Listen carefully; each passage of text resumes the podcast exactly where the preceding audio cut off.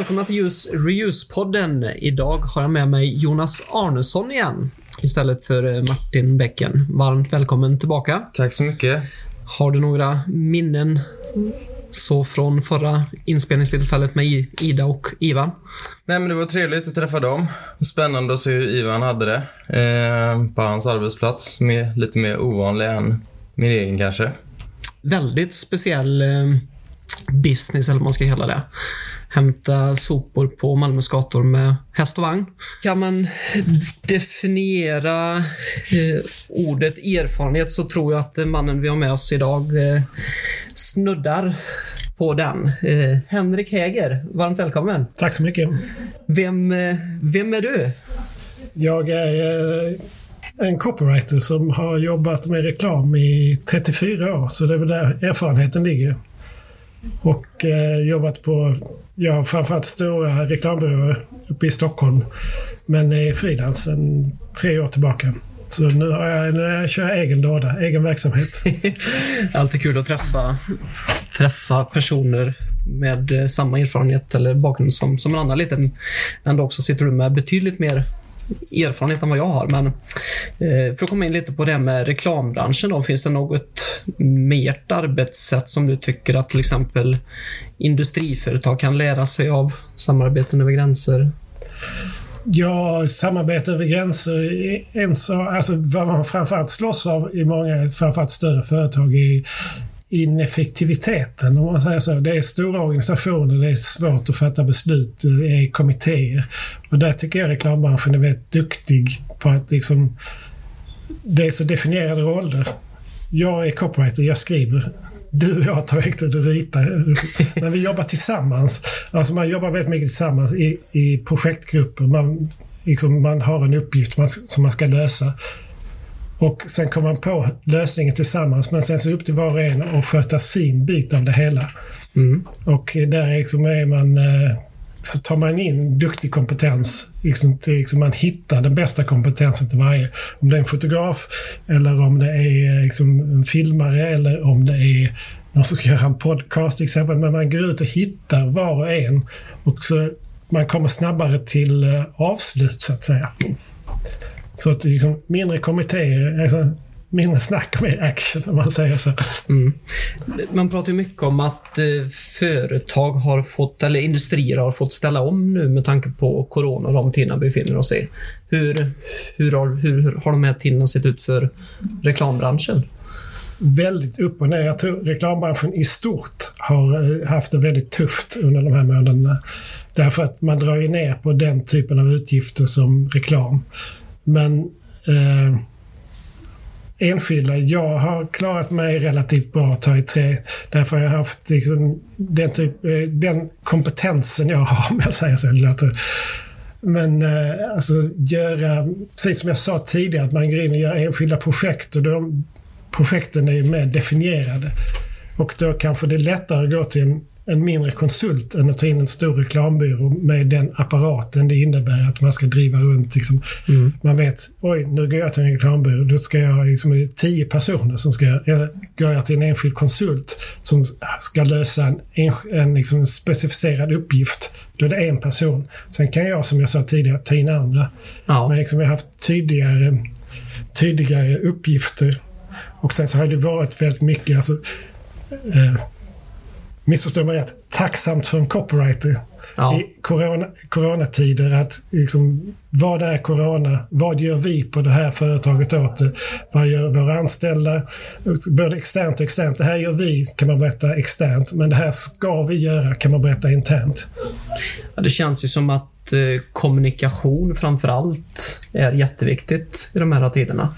Ja, det är ju lika viktigt som som alltid ska jag säga, men ja. det är ju för att det är mitt jobb. Nej, för, förlåt. Eh, nej, men jag menar, det är i synnerhet viktigt liksom, så här, att de företagen som har en uppgift Alltså i corona som är, liksom, det är ju praktexemplet är då Folkhälsomyndigheten, det är inget företag men ändå, det är en myndighet. De har verkligen, de måste informera och de har informerat väldigt tydligt och sånt och hittat vägar. Men sen så andra företag som liksom har en del, liksom en, jag har jobbat med både apoteket och eh, företag i livsmedelsbranschen under den här tiden liksom, som är då upptäcker man oj, de är extremt viktiga. Liksom, apoteken för att folk vill ha läkemedel. Det kan inte bara det. I början så vill man ju ha eh, Ipren och Aspirin och sånt och det blir rusning efter sånt. Men man vill ju också ha mat för dagen. Så liksom, det blir ju rusning till, till, butik, till matbutikerna. Mm. Och då inser man vilket, liksom, hur viktiga sådana här eh, eh, kedjor och butiker är för liksom, samhället. Och då behöver de informera. Mm. Vad, man säger att i reklamsammanhang säger man att eh, det bara går att säga en sak och att man ska säga den tydligt om och om igen. Eh, så om du fick säga en sak om hållbarhet, vilken skulle det vara?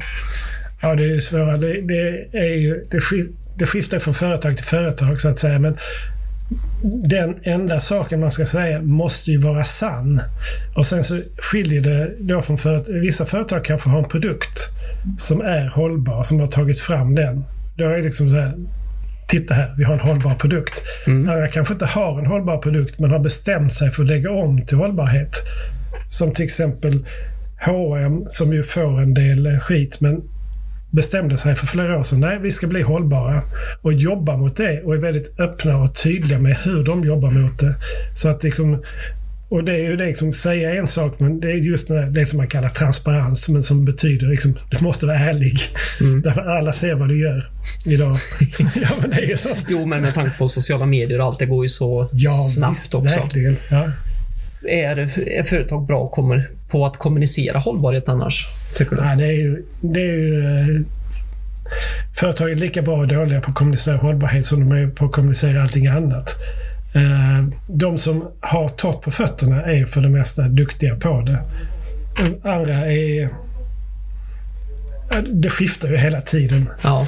Men eh, Vissa, liksom, H&M var exemplet där, men liksom, och det är svårt för dem för att liksom, det dyker alltid upp någon skräckhistoria om något plagg som är tillverkat på fel ställe och ska transporteras långt och då är inte det så hållbart. Men då försöker de andra sidan vara just, som jag sa tidigare, transparenta och berätta tydligt vad de gör och varför och hur, vad de gör för att göra någonting åt det. Mm. Andra som Ikea säger också, liksom, Ikea är också så att vi ska bli hållbara. Men då är de, liksom, de är så stora, finns i hela världen. Men då liksom, gör de små saker som till slut blir många stora saker. Alltså de ställer om till solenergi och sånt på sina varuhus. Eller att de liksom lägger solpaneler på hela taken och sånt för att bli självförsörjande på el. Alltså de gör ju väldigt mycket. Sen så är de... Eh, de har ju sina problem, eller utmaningar heter det, ja. som alla andra. Men du, du jobbar ju mot, du var inne på det, du jobbar mot apoteket och du jobbar mot eh, livsmedelsindustrin. Finns det någon bransch som har kommit längre än någon annan? Eller vilka är duktigast när det kommer till hållbarhetsarbete? Mm. Och vilka frågor ja. är det man jobbar med specifikt? Ja, det har, liksom, allting kommer ju liksom ner till, alltså det blir klimatet väldigt mycket och då är ju alltid det här med eh, koldioxidutsläpp i, och eh, transporter och sånt. För det är, liksom, det är, det är någonting som är lätt att tala om. Så här, liksom, folk, folk kanske inte vet exakt vad det är och vad det innebär, men det, man vet att det är viktigt. Så det blir en sak som man tar upp. Och nu, nu har ju allting nu eh, står allting lite på paus med tanke på corona. Men liksom den Greta-effekten, om man får säga så, som liksom, jag var ju, jag var ju liksom en, en gubbe där som alla andra, eller som alla andra gubbar i början. Så, ja, vad är det för en liten flicksnärta? Hon ska inte komma här och berätta för oss. Men sen så en dag så satte jag mig ner och verkligen läste och lyssnade på vad hon sa och så efter det så bara jag svängde direkt. Liksom jag bara erkände, jag hade fel. Hon har helt rätt. Alltså den effekten som som man märkte slog igenom så på bred front alltså i höstas.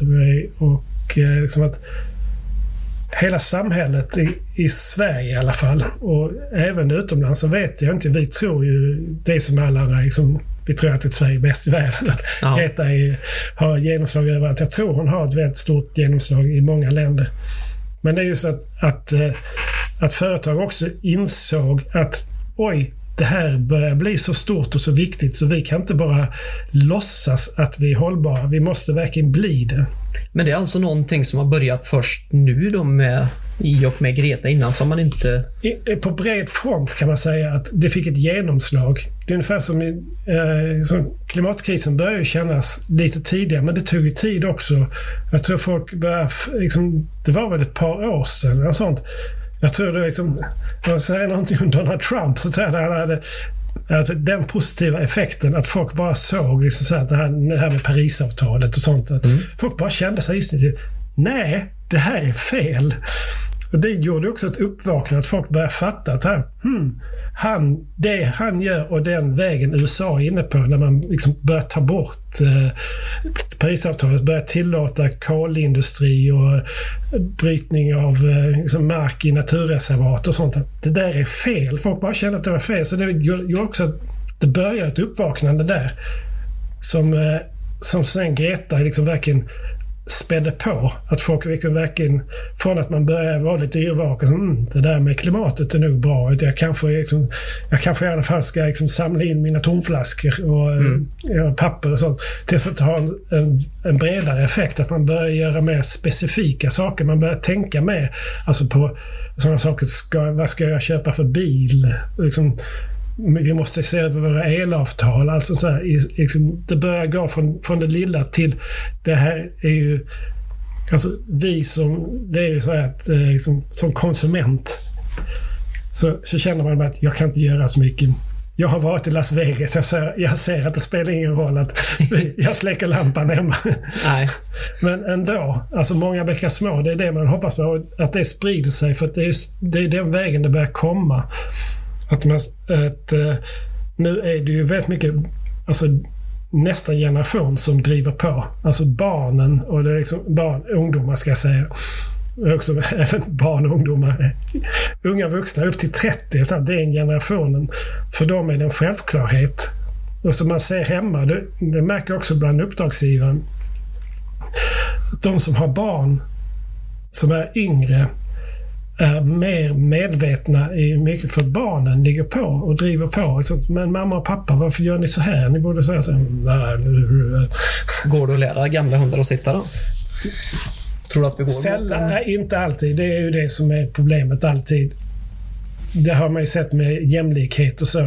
Att eh, jag trodde när jag började skolan, jag började skolan någon gång på 1900-talet, Nej, men för då var det en av de första generationerna. Så gammal är jag inte, men det var en tidig generation. Där pojkar och flickor gick till, alltså, i samma klass. Ja. Det var inte pojkskola och flickskola längre. Och då insåg vi ju redan i första klass att oj, flickor är, är ju duktigare än vi i mångt och mycket. Och det trodde jag att det skulle liksom naturligt driva på jämlikheten. Att vi, eftersom vi insåg att vi var jämlika men det, är, det har visat sig att näringslivet faller tillbaka hela tiden. Liksom, då ser ju fortfarande på hur det ser ut i styrelser och företagsledningar. Hur dåligt det är med kvinnor i, liksom, i höga positioner. Och det beror ju inte på att kvinnor är sämre på något sätt utan det beror på fördomar. Alltså gamla fördomar som sitter så hårt inom framförallt näringslivet. Mm. Att liksom, och så, så här, gamla nätverk och så att här, vi gör som vi alltid har gjort och det funkar bra. Jag vet att du, du följer ju trender ganska så mycket också vet jag. Mm. Och Du har varit inne på att um, ekonomin är en del som man kollar på. Men vad, vad finns det mer för trender just nu? Som företag jobbar med? Eller vad, vad, hur kommer det se ut framåt tror du? Nej, jag tror att alltså, hållbarheten har kommit för att stanna. Men det är också, det är inte bara, alltså vi, när vi säger hållbar så tänker vi på miljön. Men nu har det också under de, framförallt de senaste, under först corona, så visar sig liksom den sociala hållbarheten och den ekonomiska hållbarheten, hur viktig den är.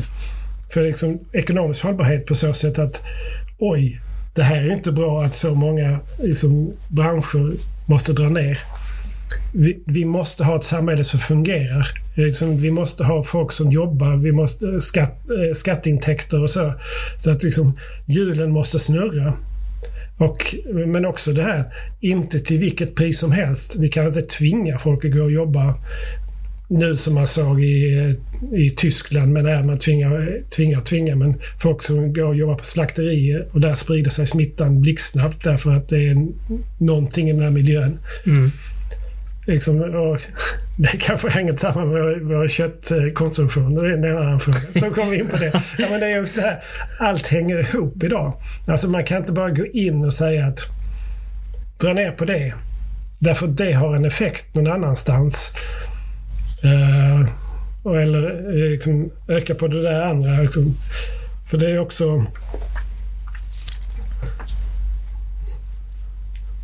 Uh, men just det där att allt hänger ihop också. Att, eh, som jag, jo, vi hade corona som gjorde liksom man ser på, på eh, liksom, nej, hur allt hänger ihop. Men också nu under de senaste veckorna har vi haft Black Lives Matter. Mm. Därför, man, därför man först kan tänka att det har väl liksom inte så mycket med, med oss vita svenskar att göra. Men det har ju det på så sätt att liksom, den sociala hållbarheten, social, alltså all det här att alla är lika.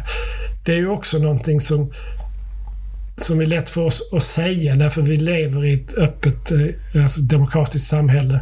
Men här finns ju liksom väldigt mycket rasism som inte vi utsätts för. Alltså, vi är också vita svenskar. Vi märker inte av det, men om man lyssnar på någon amerikansk eh, podd eller sånt där en kvinna pratar om att hon är livrädd för att hennes son ska få ett körkort. Därför att du är ju 16 år i USA när du En mm. svart 16-åring i en bil, är liksom, det är stor risk att du blir stoppad av polisen. Med vad det innebär idag. Alltså folk är rädda för polisen. Det är en situation som inte vi alls kan sätta oss in i liksom, det finns någonting där så, som, som, som berör och som liksom, vi är tvungna att förhålla oss till. Och då om man ska komma tillbaka till din, din fråga, ja. vad det betyder för företag och deras marknadsföring, så är det som visar sig först under coronan att alla företag gick ut. Det finns en sån här supercut på YouTube eller, eh, med, när man klippt ihop alla företag i USA, deras reklamfilmer. Alla sa exakt samma sak. We're in this together. Liksom, we, we're staying together by being apart. Och det blir nästan parodiskt till slut för alla företag säger exakt samma sak och de sa absolut ingenting. De sa bara det här, vi gör det här tillsammans. Ja, men vad är det ni gör? Därför att efter ett tag så börjar folk tycka, ja men vad är det ni gör? Ni kan inte bara säga att we're, we're in this together. Det måste finnas någonting, liksom, where's the beef? Som man säger. Och det har blivit ännu tydligare nu under Black Lives Matter för då gick ju väldigt många företag ut och sa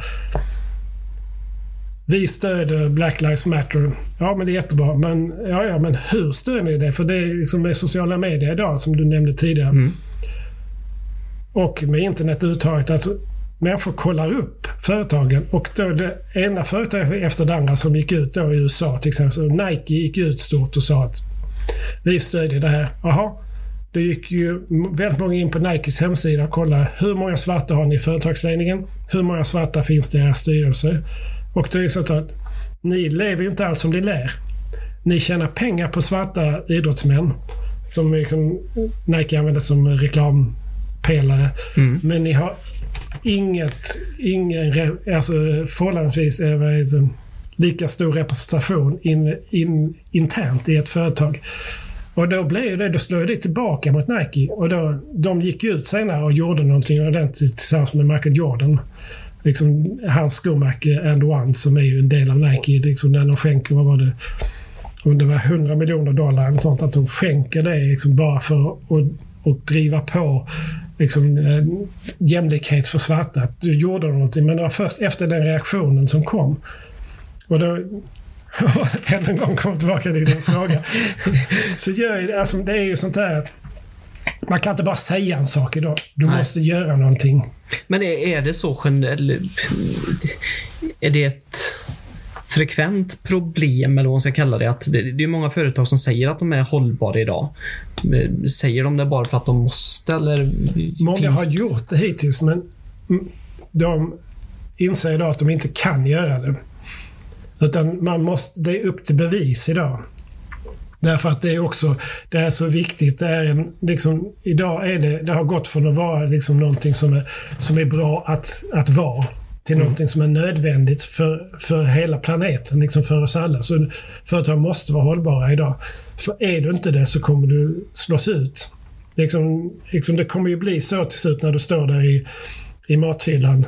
Inte än, för att fortfarande är det så att liksom, när man står liksom och ska köpa sin, eh, sin ketchup eller vad du ska köpa, så köper du den som är antingen billigast eller det varumärket som du tycker om. Mm.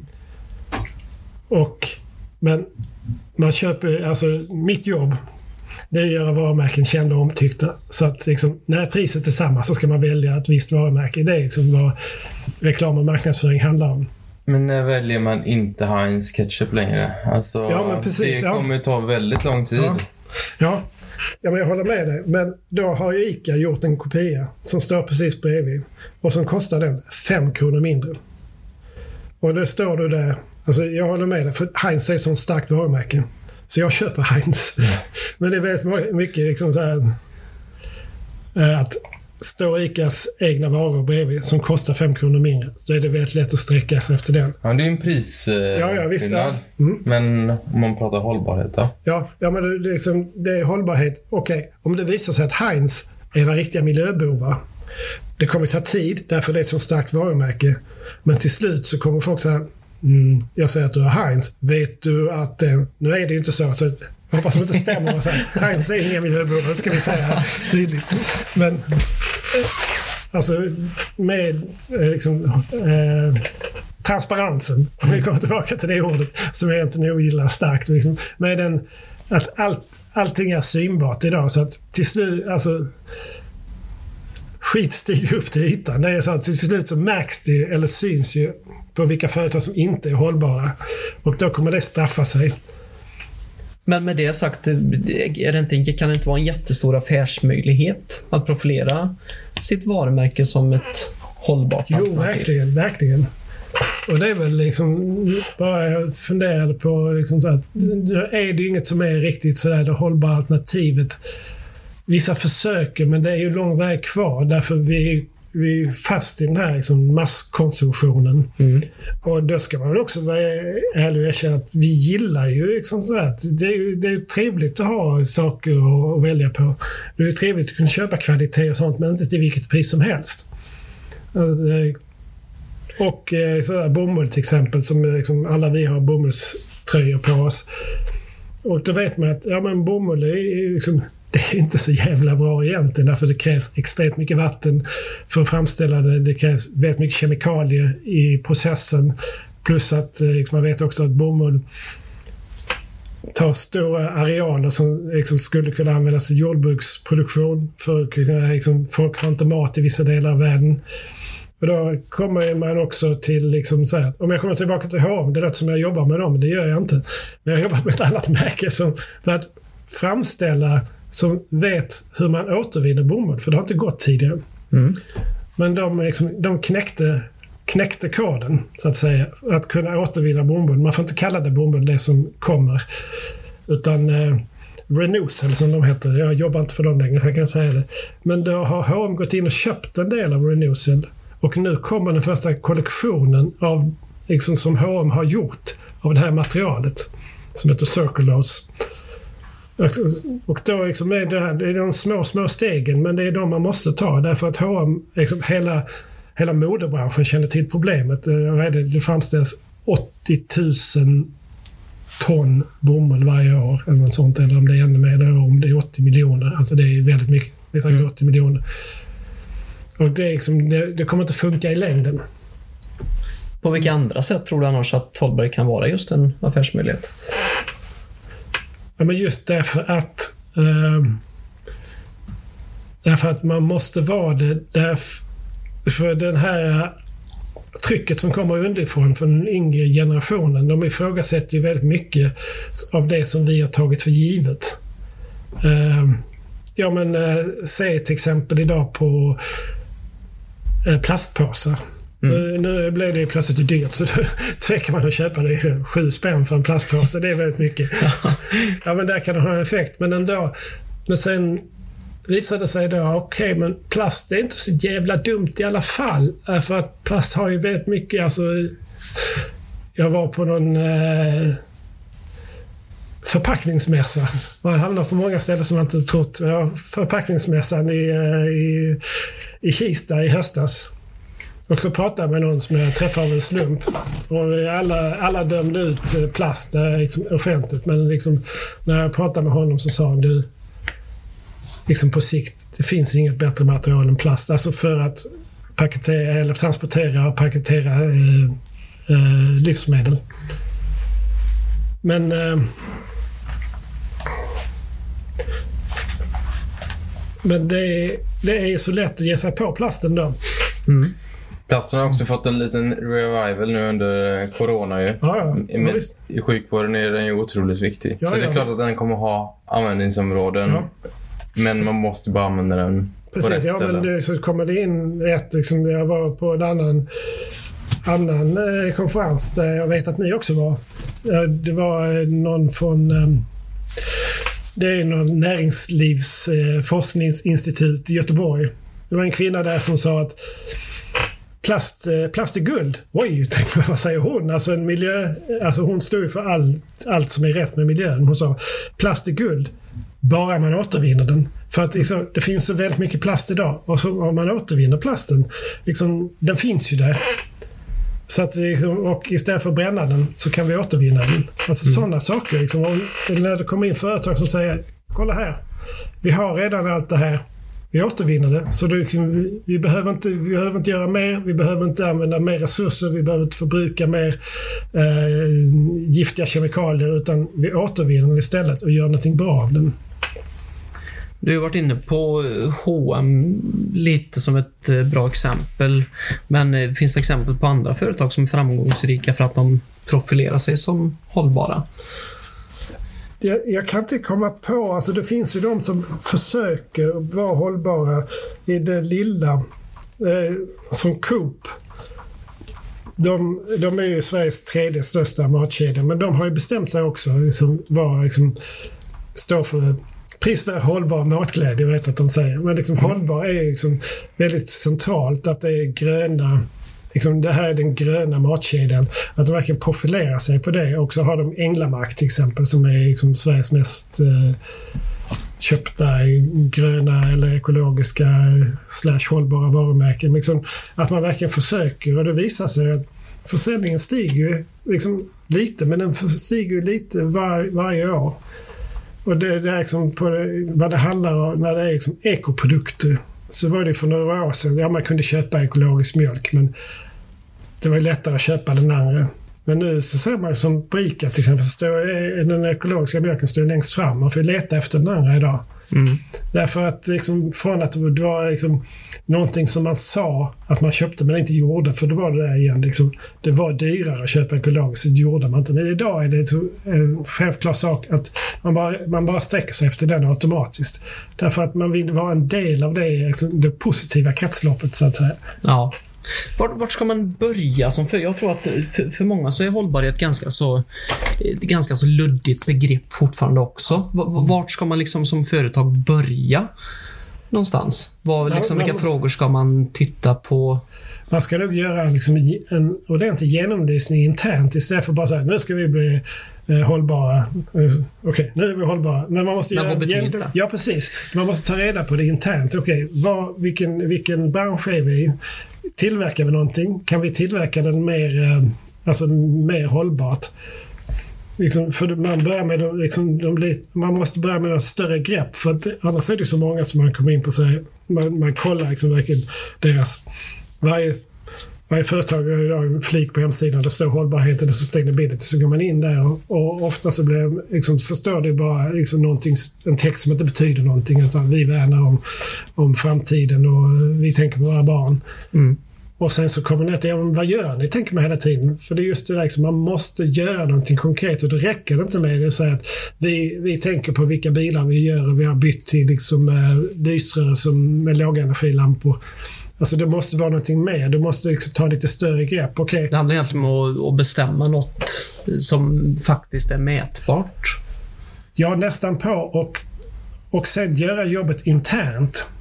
Så att först få med sig alla internt.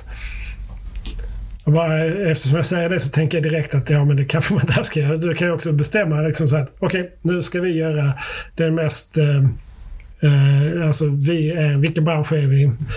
Jag vet inte. Vi gör flaskor till exempel. Vi ska göra den mest eh, ekologiska flaskan som finns i, i världen. Eller i alla fall i Sverige. Okej, hur gör vi den? Så man bara hittar något symboliskt, någonting att enas runt. Som man kan enas om internt. För det är just det du måste, alla måste vara med på resan inom företaget. Så man gör någonting innan man går ut externt. Egentligen börja bygga om kulturer i Ja, företag. väldigt då. mycket blev det ju så. Och liksom, där kommer det också, nu kommer jag tillbaka till det här liksom, trycket som Men kommer. behöver, det vara så krångligt att bli hållbar? Nej, jag tänker nej, ska- bygga nya kulturer är inget som man gör över... Det är en natt, jättesvårt. Det är jättesvårt. Alltså, så här, ändra beteenden är ju bland det svåraste som finns. Men att få att prova någonting, liksom, det är... eh, Sådär, det vet ju liksom att om man introducerar en ny produkt på marknaden. Det är jättesvårt att få folk att byta beteende, alltså börja använda en ny produkt eller ett nytt varumärke. Sånt där. Men att få folk att prova den, det är mycket lättare. Och upptäcka att den är bra, den är god, den är skön, den är behaglig. Och sånt. Alltså du kan få dem att göra det och om man kan göra motsvarande internt eller sånt. Alltså, ändra, alltså få folk att prova. Kolla här, nu ska vi göra så här på det här sättet. Och så gör man det. Och så tänker man att det var inte så jäkla svårt. Det gick ju faktiskt ganska bra att vara hållbar i det här. Så att man börjar ändra beteendet i, i, liksom steg för steg istället för bara så här, nu ska vi bli hållbara. Men då är det resurserna man börjar kolla på lite där. Det blev väl så. Produktionsledet där man... Eller man, man kollar egentligen var man har de största bovarna Ja, inledningsvis. precis. Ja, väl det. Det är det man ska kolla. För det är där liksom de stora uh, besparingarna, man ska kalla det. Det är där de stora... Alltså, det är där det, det är tydligt. Det är där man tydligt kan göra skillnad. Alltså, för det är ju väldigt mycket så här att vi förbrukar jordens resurser snabbare än... Alltså, jorden hinner inte med. Nej. Så hur kan, hur kan vi använda saker och ting smartare? Tror du vi stirrar för mycket på ekologisk hållbarhet? Eller glömmer vi ekonomisk och social? Eller är det kanske inte lika viktigt ur en Vi har ju gjort, kommunikationssynpunkt alltså, vi har ju gjort det väldigt mycket. Alltså, alltså det, miljö, alltså klimatet, den... eh, Alltså ekologisk hållbarhet är extremt viktig därför det handlar om liksom jordens överlevnad. Mm. Men vi är, liksom, vi, är, vi är ändå många som bor på den här jorden. Och liksom, vi måste, vi måste liksom ta hand om varandra också. Och det är det som Corona och Black Lives Matter och sånt är därför det som har blivit så fått en sån effekt tror jag. Därför att man inser att liksom, vi behöver varandra, att vi behöver eh, ta hänsyn till varandra. Nu låter jag som eh, Bibi Langer. som tre av era lyssnare känner till. Hålla om varandra, krama varandra, tycka om varandra. Men just det där, man måste liksom alltså behandla varandra med respekt.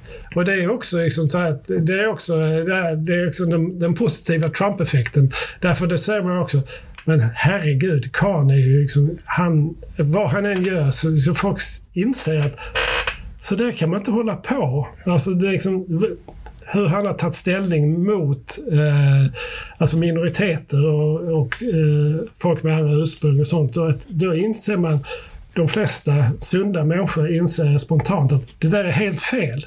Och då föder det en motre- motreaktion som är väldigt stark. Och som då, liksom, det blir motreaktionen blir då liksom den eh, sociala hållbarheten men också den ekonomiska hållbarheten. För det har ju också corona fört med sig. Alltså vilka är hårdast drabbade? Liksom det ser man i land efter land. Det är de som har minst pengar. Som har minst pengar. De har, har drabbats hårdast. Du nämnde innan att eh, Greta-rörelsen har lite ställt på paus nu under Ja. corona. Sen så känns det nästan lite som corona har blivit ställt på paus på Black Lives Matter. Ja, visst. Klarar inte eh, folk ha att hålla en, eh, mer än en grej Nej, tyvärr, är det, nej, tyvärr tror jag inte det. Utan, alltså Greta-effekten, men den är på väg att bli något större. Därför att den är så fundamental. Den, rör sig, den handlar om något så fundamentalt som alltså liv och död till slut. Så då griper den tag. Men så kommer corona som också handlar om liv och död. Men ännu mer. För det är Ännu liksom mer verkligt, för det är här och nu. Ja, verkligen, ja. Och, men vi, det är bara att gå till sig själv. Alltså hur man, alltså de första veckorna med corona, liksom, från mitten av mars in till säg halva april. Allting var jättedystert. Mm. Sen så börjar man känna, alltså sådär, man börjar kolla, man kolla nyheterna mindre och sånt. Och det, liksom, det var bara för att man orkar inte till slut. Liksom, till slut, alltså, människan är, det är också en överlevnadsinstinkt som är liksom, positiv för oss. Därför att om vi bara såg elände hela tiden så skulle det, liksom, ja, det skulle vara väldigt eländigt. Vi skulle inte orka till slut. Ja, så kommer Black Lives Matter liksom så här, lagom tills att vi har tröttnat på corona och så tar det över. Mm. Och nu, nu är det frågan vad som, liksom, med, vad som kommer härnäst så att säga. Alltså kommer klimat... Ja, men kommer vi tillbaka, till mm. klimatet mm. eller kommer vi tillbaka till corona liksom? Jag tror, ty, eller inte tyvärr, utan först kommer vi nog tillbaka till corona när andra vågen kommer därför att man är överens. Alla känner ju bara att den kommer snart. Okej, okay, hur ska vi tackla den? Vad har vi lärt oss av försten? För vi kommer ju leva med corona fram till att vaccinet kommer. Då kommer vi bara, åh oh, vad skönt. Om tio år kommer vi sitta här och säga, du, när var corona? Var det 19 eller var det 20? Sånt, ja, du, jag kommer inte riktigt ihåg. För att vi, liksom, det är också mänskligt. Vi glömmer sådana saker liksom, bara för att kunna gå vidare. Men liksom, som fråga som du sa, liksom, kommer klimatet tillbaka? Och jag tror det. Just därför att det är så fundamentalt. Mm. Om du skulle skicka med några riktigt heta tips då för en, eh, att göra en omställning mm. inom hållbarhet för ett företag. Vad? Framförallt liksom är väl det första liksom bara gör det. Alltså, ja. Det är ju väldigt mycket såhär, just do it. Liksom, för att ni måste. Det går inte att låtsas. Alltså, att ni kommer bli påkomna till slut. Och eh, eftersom det, är, det hänger samman med det du sa, liksom kommer Greta-effekten tillbaka.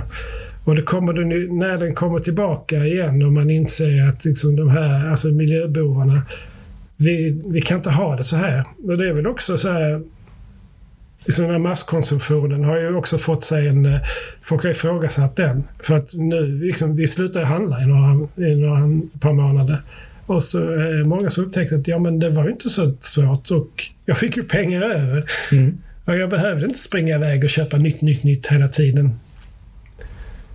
Så att det är också... Sen tror jag också, liksom, och det är en av mina ständiga käpphästar, att liksom, människan har liksom utvecklats i 50 000 år eller 200 000 år beroende på hur man räknar. Så det är inte så att vi är, liksom, har blivit nya. Vi, vi är liksom, människan är väldigt... Alltså vi har behov och sånt som driver oss och de sitter så djupt inom oss. Så att överlevnad och sånt liksom, och skydd över huvudet och sånt, det kommer vi alltid vilja ha, mat för dagen. Men sen så kommer vi ändå, vi kommer komma tillbaka till väldigt mycket av det som vi hade ja, fram till februari. Alltså vi kommer tillbaka därför att vi, vi vill, vi vill och mm. utvecklingen hade kommit dit och sen så kommer vi ifrågasätta en hel del men eh, vi vill ändå ha det, så det handlar om trygghet. Vi vill tillbaka till det vi hade. Tack så jättemycket Henrik. Tack. Jättetrevligt att ha dig Tack med i podden. Några slutord, Jonas? Nej, intressant att lyssna på, tycker jag. Tack så jättemycket. Tack så mycket. Ha det bra.